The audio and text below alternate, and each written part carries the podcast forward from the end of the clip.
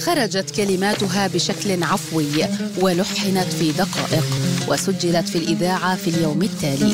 إنها أغنية ست الحبايب التي كتب لها القدر أن تظل راسخة في أذهان الجماهير وتصبح أيقونة لعيد الأم. للغناء قصة من الشرق بودكاست.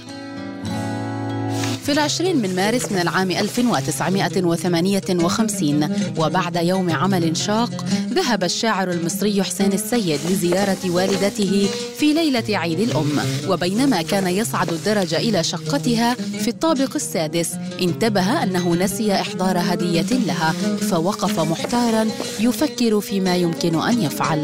مستغلا موهبته الشعرية لمعت في باله فكرة فأخرج من جيبه قلما وورقة وخطت أنامله هذه الكلمات.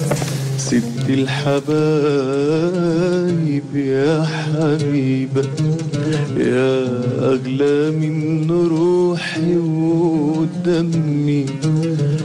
يا حنينة وكلك طيبة يا ربي خليك يا أمي. يا ربي خليك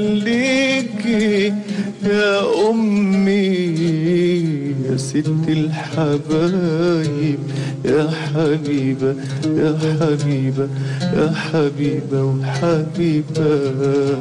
هذه الأبيات الصادقة التي كتبت مصادفة كانت شهادة ميلاد أغنية ست الحبايب.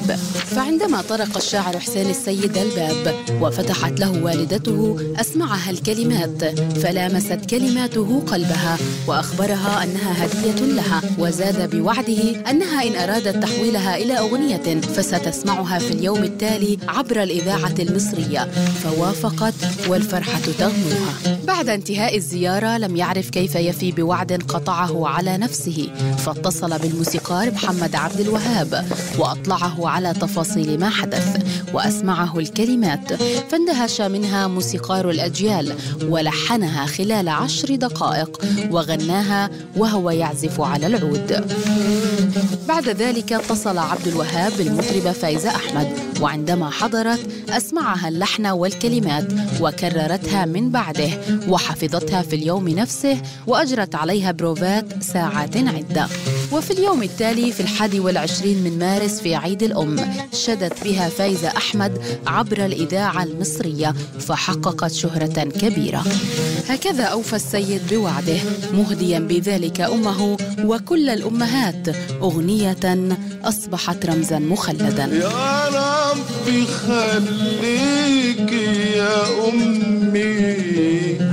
يا ست الحبايب.